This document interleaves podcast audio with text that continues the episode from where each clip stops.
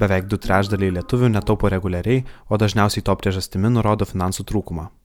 Tai reiškia, kad daugiau nei pusė šalies gyventojų paprastai išleidžia visą savo atlyginimą ir laukia kito. Ar įmanoma išeiti iš šio uždaro rato? Kas jį mūsų uždaro? Mūsų pajamos ar mūsų įpročiai? Pradėkime nuo to, kad gyvenimas nuo algos iki algos būdingas ne tik žmonėms, kurie gauna mažas pajamas. Į šį uždarą ratą gali patekti ir gan solidų atlyginimą gaunantys žmonės. Tai reiškia, kad neretai ši situacija yra sukeliama mūsų finansinių įpročių, o ne objektivaus mūsų pajamų dydžio. Tačiau net ir gaudami mažas pajamas, turime galimybių pagerinti savo finansinius įgūdžius ar surasti kitų sprendimų, kurie padėtų pagerinti padėtį. Tam, kad galėtumėte geriau valdyti savo finansus, surasti galimybių sumažinti išlaidas, o taip ir įtampą mėnesio pabaigoje, laukiant atlyginimo turėtumėte įsivertinti, kam ir kiek pinigų išleidžiate. Jei nevedate savo biudžeto, greičiausiai gan tiksliai žinote, kiek išleidžiate pavyzdžiui mokesčiams už komunalinės paslaugas, būsto nuomai, tačiau siekiant suvaldyti savo biudžetą svarbios visos, ne tik didžiausios išlaidos. Peržiūrint biudžetą gali paaiškėti, kad jūsų pomėgis kas ryt nusipirkti kavos išsinešti ar žalingas įprotis pareikalauja pusės ir daugiau jūsų komunalinių paslaugų biudžeto. Peržiūrėdami savo išlaidas turėtumėte įvertinti kiekvieną išlaidų eilutę.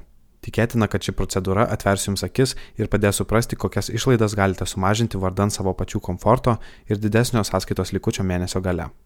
Kai turime sunkumų valdant finansus, didžiausiai įtampa kelia situacijos, kai jų nepakanka būtiniausiams išlaidoms. Nenusipirkę norimo daikto mėnesio pabaigoje, veikiausiai šiek tiek nuliūsime, tačiau jei mėnesiui atėjus į pabaigą būsime nesumokėję už komunalinės paslaugas, ko gero jausimės dar blogiau. Todėl kitas žingsnis peržiūrėjus išlaidas - susidėlioti prioritetus. Svarbiausios jūsų mėnesio išlaidos turėtų būti šios - būsto nuoma, būsto paskolos įmoka, maistas, komunalinių paslaugų mokesčiai, transportas. Kai jau žinote, kiek pajamų turite skirti šiems svarbiausiams dalykams, galite nusimatyti, kiek per mėnesį galite atsidėti taupimui bei išleisti savo malonumui. Santaupos tikrai suteiks stabilumo ir saugumo, jos ypač pagelbės tais atvejais, kai staiga sumažėja pajamos arba padidėja išlaidos. Reikėtų būti sukaupus 3-6 mėnesių asmeninių ar šeimos išlaidų dydžio sumą, o taupyti patartina kas mėnesį atsidedant 10-20 procentų pajamų. Beje, čia labai svarbu atskirti savo poreikius nuo norų. Kartais mums atrodo, kad mūsų pajamos yra per mažos visiems mūsų poreikiams, tačiau dalis tų poreikių visuomet yra tiesiog mūsų norai, į kuriuos turėtume pažiūrėti griežčiau, racionaliau, kai kuriems taupyti, o nenorėti turėti čia ir dabar. Nauja finansinė realybė, kuri galiausiai taps jūsų įpročių ir kelių į tvarę finansinę elgseną, pradžioje gali būti kiek sudėtinga. Todėl čia pravartu pasitelkti įvairiausias gudrybės, kurios padės lengviau keisti įpročius. Viena tokių - automatizuotas taupimas.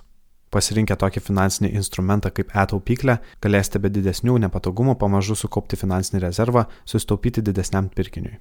Automatizuodami savo taupimą galite nustatyti, kad tam tikra suma jūsų pajamų kas mėnesį keliautų į taupyklę sąskaitą. Taip pat galite pasirinkti mokėjimų apvalinimą. Kas kartą jums atsiskaičius kortelę, keli ar keliasdešimt centų iki apvalios sumos nukeliaus į jūsų taupyklę. Jei įsivertinus savo pajamas ir išlaidas paaiškėjo, kad laisvų pinigų neatsiranda, nes visos jūsų pajamos keliauja būtinosioms išlaidoms, o susimažinti jų nelabai yra kur, dėlėtų pagalvoti apie tai, kaip pasididinti pajamas. Pirmiausia, įvertinkite, ar pagal savo specialybę negalėtumėte susirasti geriau apmokamo darbo arba pasiteirauti darbdavę dėl atlyginimo pakelimo. Galbūt pastaruoju metu kelite kvalifikaciją, tačiau tai visai neatsispindi jūsų algalapyje. Jei šių galimybių neturite, pagalvokite apie galimybę susirasti papildomą darbą. Galbūt galite dirbti laisvai samdomą darbą pagal savo specialybę, o gal įsidarbinti pavėžėjų, maisto išvežiotojų, auklė, gyvūnėlių prižiūrėtojų arba įdarbinti savo hobį. Papildomos pajamos tikrai padės susireguliuoti finansus, tačiau ilgalaikėje perspektyvoje turėtumėte pagalvoti apie profesinį tobulėjimą bei karjeros galimybės.